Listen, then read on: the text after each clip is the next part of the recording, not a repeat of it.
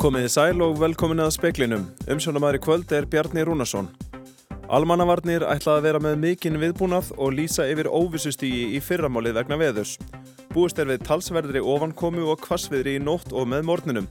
Gul og appelsínugul viðvörun tekur gildi í nótt á Suður og Vesturlandi. 99% allra greiðslukorta fæsluna Íslendinga fara í gegnum alþjóðleg kortafyrirtæki. Sælabankin ætlar að þróa nýja innlendalaust ef greiðslukerfið hrinur. Mikill erill hefur verið á sölustöðum flugölda það sem aðver degi. Slæmt veður gæti sett stryk í reikning sprengjuglaðra Íslandinga. Stríðið í Úkrænu er að þróast út í að verða stríð þólinnmæðinar. Ekki eru mikla líkur á að fríðarumleitanir skili árangri á nýju ári. Þetta segir profesor í heimsbyggi og sérfræðingur í málefnum Rúslands.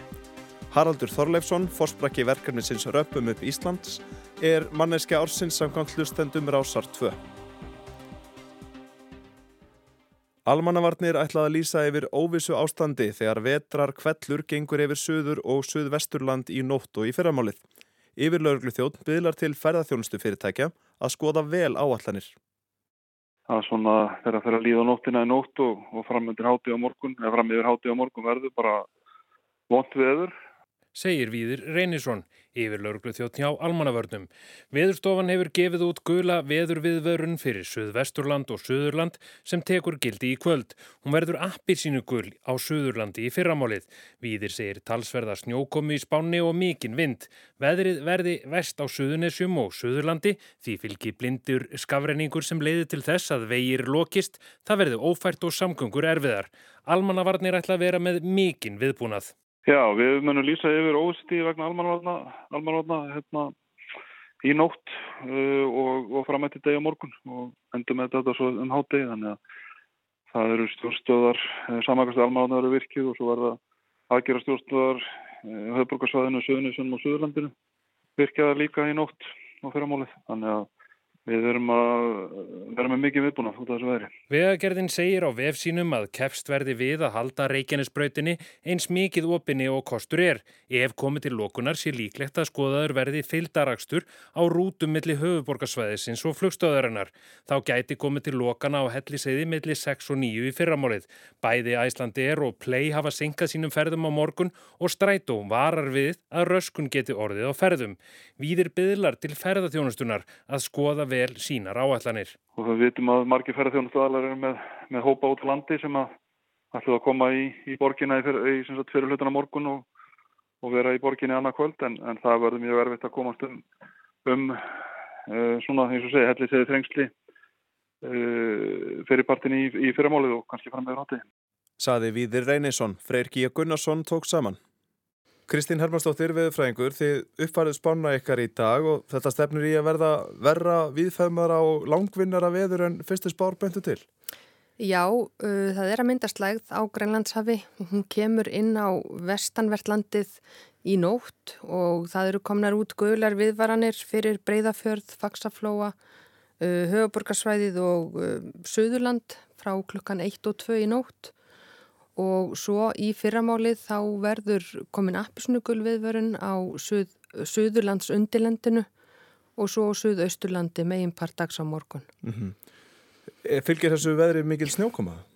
Já, þetta er snjókoma og það er náttúrulega mikil snjór fyrir þannig að það er, verður blind, það er kvast og snjóar talsvert meðan þetta gengur yfir þannig að það gæti verið að færð yrði leiðileg eða jáfnvel ófært og þá er kannski bara vissar að vera ekkert á ferðinni ef að hægt er. Mm -hmm. Og hvenar gengur þetta svo neyður? Uh, um miðjandag og morgun verður svona dúrar veðrið á söðvestanverðurlandinu en svo er núna aftur búið að gefa út gula viðvörun fyrir klukkan 11 annarkvöld þannig að áramótin lítur út fyrir að verði nokkuð kvast með snjókomi og jæljagbakka á öllu vestanverðurlandinu aftur. Þannig að það er heil ekki fyrir ná nýjársdag sem þetta svona fer almennilega að ganga niður. Ummitt. Við fylgjumst með þessu. Takk alveg fyrir þetta, Kristín Hermannsdóttir. Flugeldarsala hefur gengið vel það sem að verð degi og mikill erill hefur verið á sölustöðum Björgunarsveita, segir Ótti Rapp Sigmarsson, formaður landsbjargar. Mælt var með í vikunni að fólk væri í fyrrafallinu að kaupa flugelda vegna áramóta og óveðusins.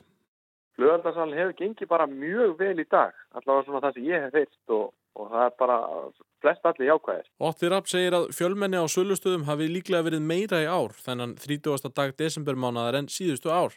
Á morgun verði mögulega hægara um en gamlástagur sjálfur er vanlega stærstur hjá Björgunarsveitinni. Já, það er, svona, það er allavega svona meira um að vera en, en ofta áður og, og svo verður vonandi bara meiri trafík í kvöld og, og allir sölustæðir tilbúinu að taka á móti fólki. Sölustæðir Björgunarsveitana verða flestir opnir til tíu í kvöld og því enn nægur tími til flugveldakaupa áður en óveðrið skellur á. En á eftir að viðra til þess annað kvöld að skjóta upp flugveldu. Sko það er auðvitað bara misjænt eftir hvað það er stættur á landinu hvernig viðurspáin er og, og þetta er auðvitað mat hvers og eins auðvitað þegar bara kemur að miðnætti og hvernig staðan er hverju sinni. Segir Otti Rapp Sigmarsson, Ottur Þórðarsson tók saman. Sæðlabankin vinnur að þróun nýrar innlendrar smágreðslu miðlunar til að bregðast við ef róf verður á greiðslu miðlun erlendra fyrirtækja. 99% allra greiðslukorta fælsna Íslendinga fara í gegnum alþjóðleg kortafyrirtæki. Uppkaup erlendra fyrirtækja á innlendum greiðslumiðlunum og vaksandi netóknir valda því að Sæðlabankin vinnur að innleiðingu óháðarar innlendra smágreiðslulausnar og tekur mið af því sem Sæðlabankar í Evrópu hafa gert undanfarið. Samkvæmt upplýsingum frá bankanum stefnir hann að því að byrta skýslum máli á næstu misserum þar sem farið verður yfir þær leiði sem eru mögulegar. Í síðasta hefti Sæðlabankans um fjármálastöðuleika segir að alvarleg netárás geti leitt til þjónusturofs í langan tíma og raskað greiðsluleiðum í hagkerfinu. Þá þyrrt að tryggja aðrar greiðsluleiðir svo almenningur geti aflað sér nöðsinja. Þá þarf að vera til viðbúnaðar áætlun Sæðlabankans, reknistofu bankana, banka og annara fyrirtækja sem höndla með peninga og greiðslulausnir. Fjórir erlendir seðlabankar eru farnir að gefa út rafrænt reyðufjö, svo kallaðan seðlabankaraferi og 14 til viðbótar eru með slík tilraunaverkefni í gangi. Seðlabanki Íslands hefur ekki fetað sinn á þessar bröðir en fylgis með þróuninni. Landsmenn nota reyðufjö minna og minna með hverju árinu. Sælabankin segir að reyðufjö hafi þó enn hlutverk í samfélaginu og tryggir að nóg reyðufjö sé til í landinu til að breyðast við ef langvarandi óviss ástand skapast með því að rafrænar greiðslu aðferði stöðvast. Brynjólfur Þór Guðmundsson saði frá. Það hefur gengið á ímsu við jólahaldið í Grímsei og COVID og leiðilegt veður sett þar streik í rekningin. Anna-Maria Sigvaldsdóttir segir eigaskeggja þó ákveðna í að fagna áramótunum með stæl. Það hefur nú bara gengið ágætlega. Það var allavega kom ferð hérna á fólksmessu með róurnar þannig að það var hægt að hafa hérna, skötu veistuna aðeins setni en vennina þar sem var náttúrulega ekki búin að ferja þarna fyrir og svo allir við að hafa jólabal hérna jóladag en það voru veikindi og COVID í eiginu þannig við ákveðum bara að vera rosalega sniðu og sleppa því þannig verðum ekki að leggja alla í eiginni. Svo ætla að koma aftur að vera messa hérna á þriði daginn, þriði jólum en það var svo vondt við þannig henni var frestað. Mm. En ég ætla nú að vona áramótanum verði ekki frestað líka. Hvað eh, eru margir í Grímsvegi núna um jólinn?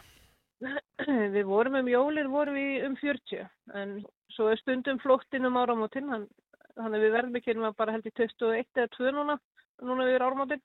En e, þrátt verir svona bras við jólahaldið að, að þá stefnir í, í brennu og flugöldarsýningu eða hvað? Já, já. Við erum yfirleitt með þetta svona hálf nýju á borgarlandinu og það verður myndalögu bálkostur eins og undarfærin árs. Ég sleppur því ekki tóttu síðan fá. Saði Anna-Maria Sigvaldsdóttir í samtali við Ágúst Ólafsson. Haraldur Þorleifsson, fórsbrakki verkefni sinns Römpum upp Ísland er manneska ársins samkvæmt hlustendum rásar 2. Með verkefninu hefur Haraldi tekist að fjármagna uppsendingu hjólastólarampa á fleiri hundru stöðum á Íslandi. Haraldur hefur einnig verið lægin við að hjálpa þeim fjáráslega sem áþurfa að halda. Nú líður senn að áramótum. Stríðið í Úkrænu hefur staðið yfir stóran hluta þessa árs, allt frá því að rússar reyðust inn í landið í lok februar. Í gær voru gerðar harðar árásir viða um landið frá borginni Lviv í vestri, Karkiv í austri og Odessa í söður hlutanum. Að sög stjórnvalda beindust árásinnar fyrst og fremst að almennum borgurum og viðkvæmum innviðum. Víða var tilkynnt um ramasleysi. Jón Álofsson, profesor við hugvísindasvið Háskóla Íslands, velkomin í speilin. Takk.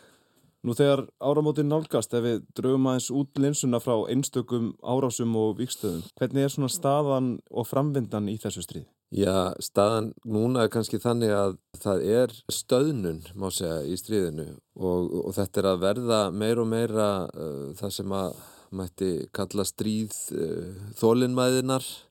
Báðir aðilar sjá það að, að hérna, þetta muni dragast á langin og það eru ymsar ástæður fyrir því.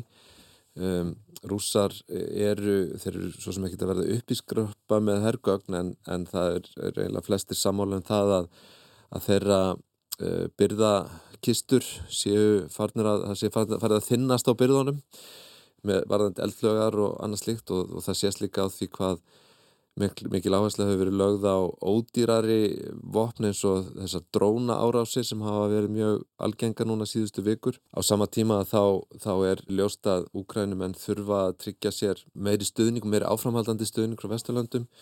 Eh, Bandaríkinn hafa náttúrulega verið mjög skýr um það hvað þau allir sér en það er að breytast politist uh, jafnvægi með meiri hluta republikan í fullróðadeildinni sem gæti haft einhver áhrif. Þannig að, að það er svona óvisa og báðir aðilar þurfa tíma og maður sér það á, á þeirri, líka þeirri orðræðu sem er í gangi að, að það er svona verið að gefa í skín Úkrænum eigin til dæmis að það sé samningsvilji. Á sama tíma eru settar fram kröfur sem eru augljóslega mjög fjarrið því sem rúsar myndu fallast á en ég held að við sjáum núna fyrst og fremst svona viðleitni til þess að, að vinna tíma og tefja kannski. Mm -hmm. Einmitt utaríkisrættar á Úkrænu, hann hverst vonast til að friðja viðræður sem eru þá litar af framkvæmtastur á saminuðin þjóðana að það geti hafist í lok februar. Er, er líklegt að af þeim verði að yfir höfuð? Eh, mér finnst mjög ólíklegt að það verði einhverjar sko raunverulegar friðar viðræður. Það getur hins vegar vel þróast hannig að bæði rúsnæðstjórnvöld og úkrænsk sjáu sér hag í því að fara af stað með einhvers konar viðræður, láta líta svo út að það sé möguleikja á semja og annað slikt. Eh, hins vegar að þá, þá eru, eins og Úkrænum en setja þetta fram í dag, að þá eru þeir á, um leið og þeir segjast geta hugsað sér þessar viðræður að þá eru þeir að setja fram kröfur sem að eru eh, sem fel ekki í sinna eina tilslökun og, og enn sem komið er er ekki neitt í spílónum sem að, að gefa til kynna að Úkrænins stjórnvöld Eh, séu tilbúin til þess. Sko, maður vil líka hafa í huga að, að eh, eftir þessa, þetta tíu mánuða stríð og það sem að, að það hefur náttúrulega snúist um líka bara að halda úkrænsku þjóðinni við efnið og, og brínana gegn innrásarliðinu og innrásinni að þá er alveg gríðarlega uh, hættulegt skref að fara að draga í land. Og ég held að að það þurfi, að undibúa það mjög vel.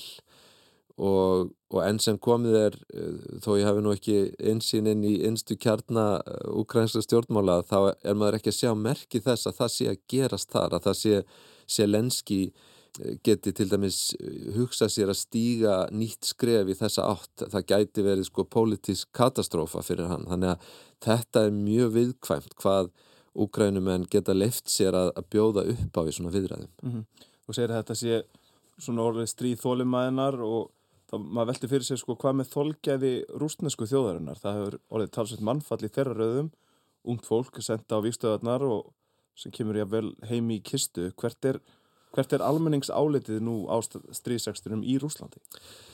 Sko annars vegar held ég að maður verði að segja að það, það, er, ekki, það, er, ekki, það er ekki hægt að segja beinlýnis til um það. Uh, upplýsingarna sem við höfum er einfallega mjög takmarkaðar og villandi.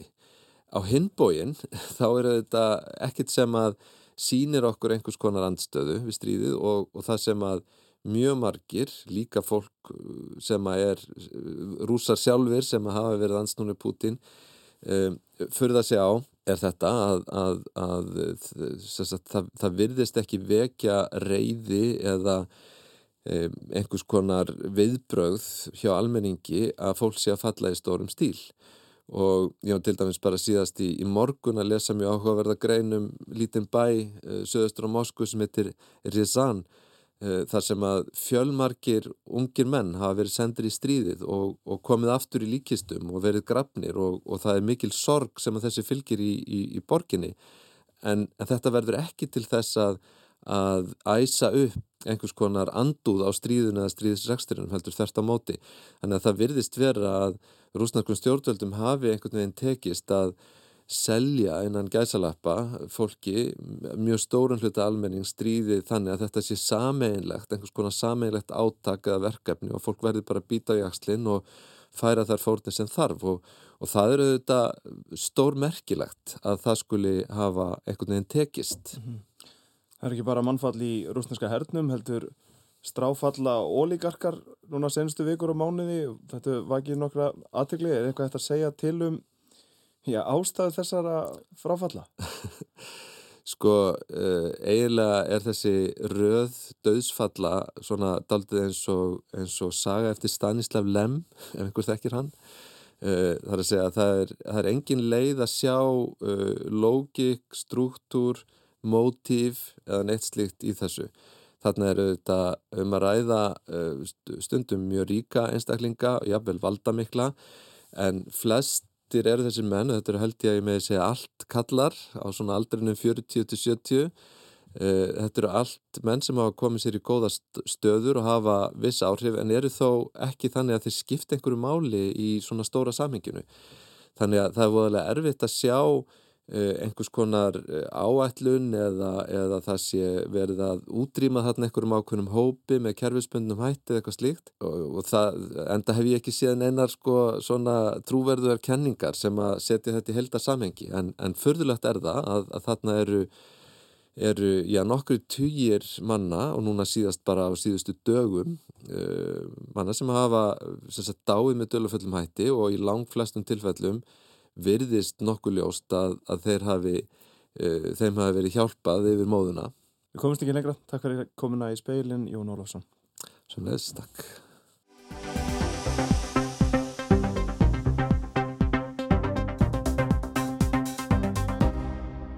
Rivellino, watch Pele now. What a beautiful goal from Pele. El Rey Pele.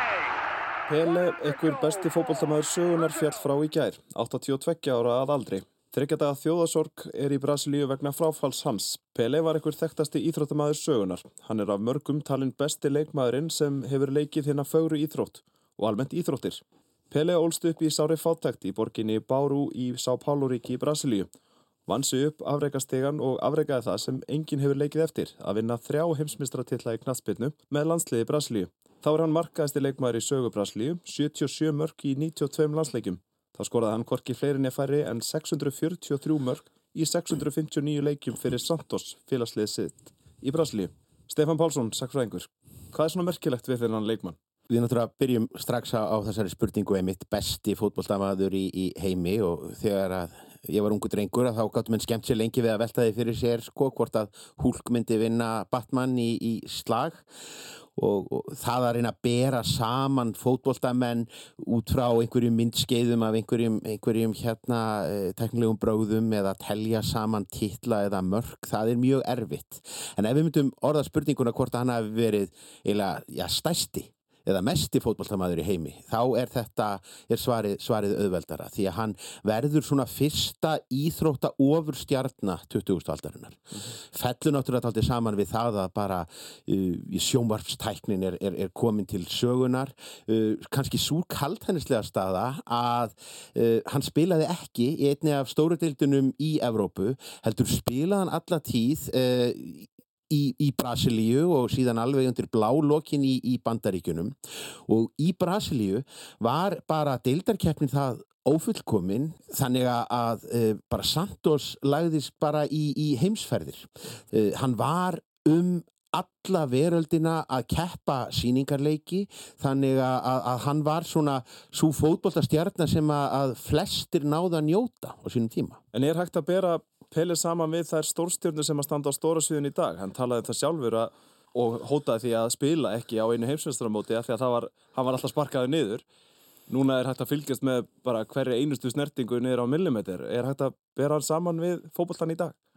Já, ég, ég held að það sé frekar erfitt að, að, að gera það bara líkamlegt atgerfi leikmanna er, er annað, það er til dæmis alltaf magnað að Pele var, var afbrað skallamadur hann var 173 cm þannig að hann hefði nú lítið kannski í varnartröll uh, samtímans að, að gera.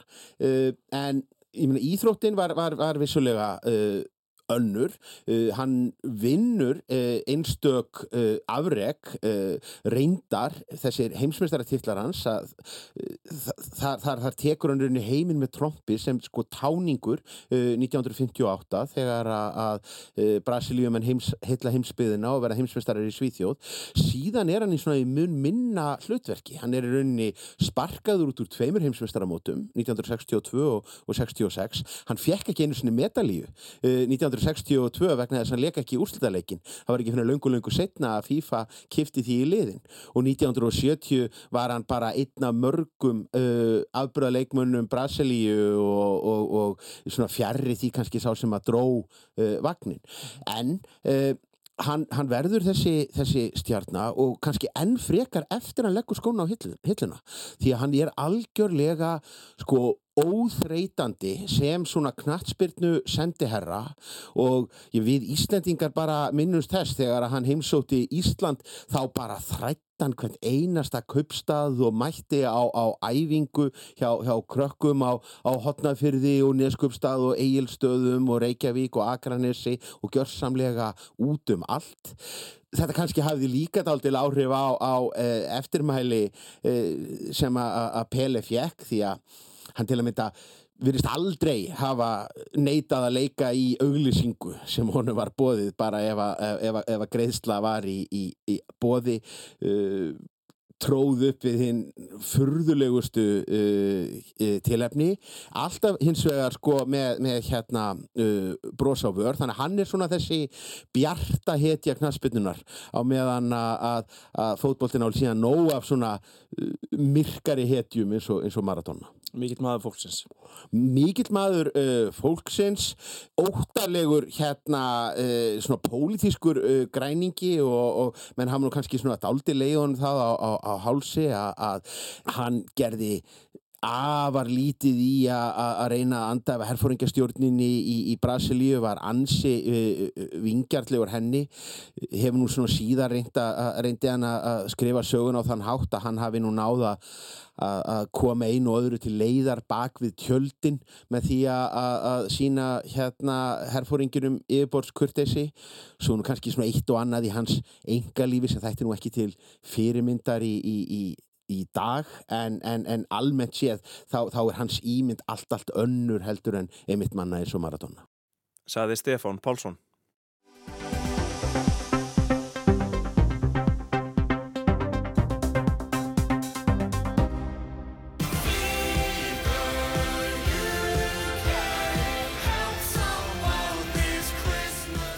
Hér heyrum við broturlæginu sem satt í efstasæti hins opimbera breska vinsaldalista yfir jólinn.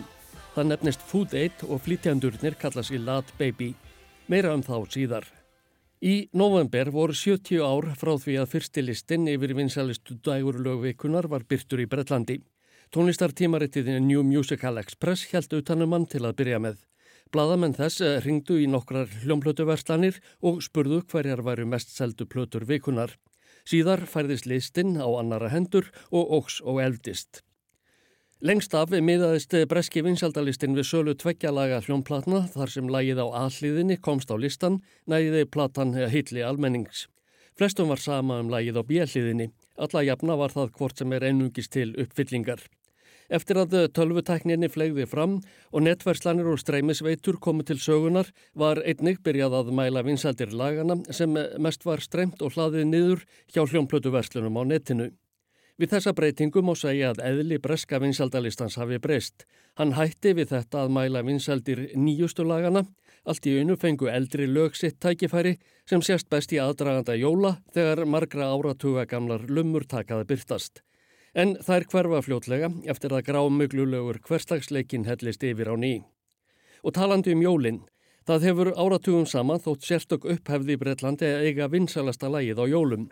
Segja má að stríð hafi brotist út á aðvendunni árið 1973 þegar Glis rocksveitirnar Sleit og Vissard stemdu báðar að því að eiga topplægið á jólum. Svo fórað Vissard og I Wish It Could Be Christmas Every Day var það að lúta í lægra haldi fyrir Sleit og Merry Christmas Everybody.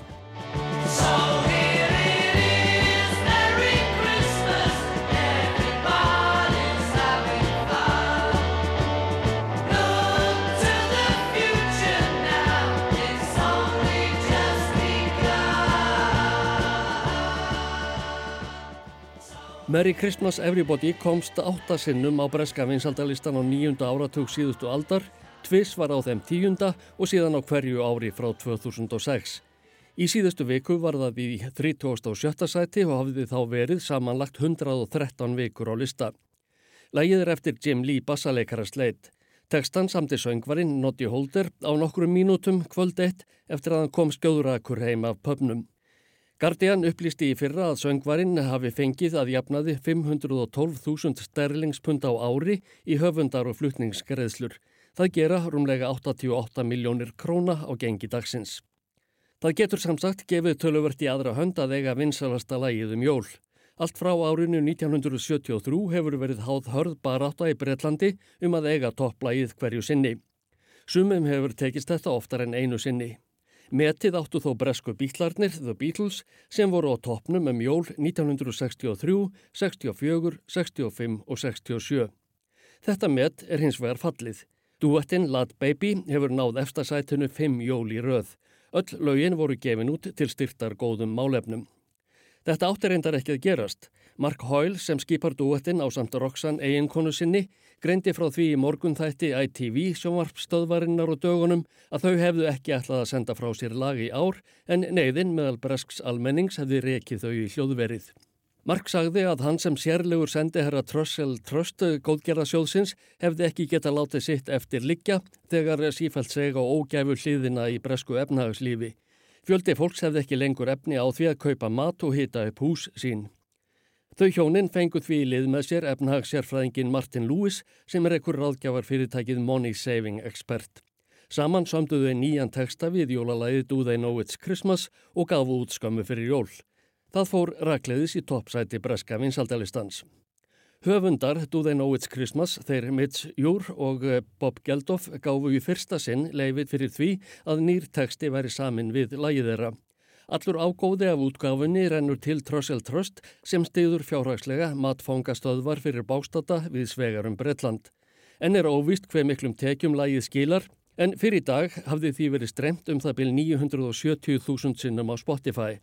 Áhorf á YouTube var að nálgast 1,2 miljónir og þá voru ótaldar aðrar streymisveitur og samfélagsmiðlar. Í vikunni fyrir jól greindi Trussell Trust frá því á Twitter að Lad Baby hefði á síðustu fjórum árum styrt sjóðin um 1305.000 sterlingspund, tæplega 225 miljónir króna. It's Christmas time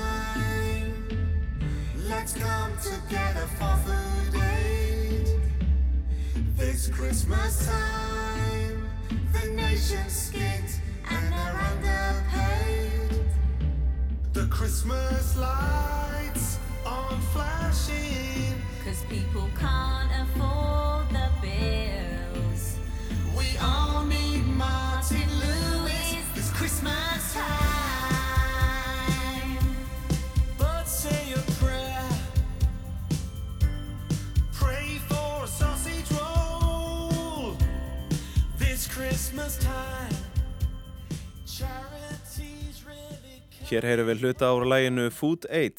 Ásker Tómasson tók saman. Það var helst í speiklunum í kvöld að almannavarnir ætla að vera með mikinn viðbúnað og lýsa yfir óvissustígi í fyrramálið vegna veðus. Búist er við talsverðri ofan komu og kvassviðri í nótt og með morgunum. Gul og appelsínugul viðvörun tekur gildi í nótt á Suður og Vesturlandi.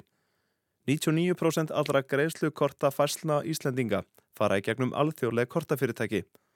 Sælabankin ætlar að þróa nýja innlendalaust ef greiðslukerfið hrinur. Mikill erill hefur verið á sölustöðum flugelda það sem aðverð degi, slemt veður, gæti sett streik í reikning sprengjugladra Íslandinga. Stríði í Úkrænu er að þróast út í að verða stríð þólinnmæðinar. Ekki eru mikla líkur á að friðarumleitanir skili árangri á nýju ári. Þetta segir profesor í heimsbyggi og sérfræðingur í málefnum Rúslands.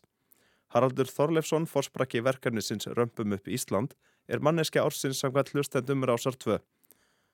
Það er ekki fleira í speiklunum. Tæknumæður var Magnús Þorstedt Magnússon. Frett átsendingu stjórnaði Ingeborg Sara Guðmundsdóttir. Þetta er seinasti speill ársins. Við þökkum samfélgdana á árunu og óskum ykkur gleðilegs ás. Verðið sæl.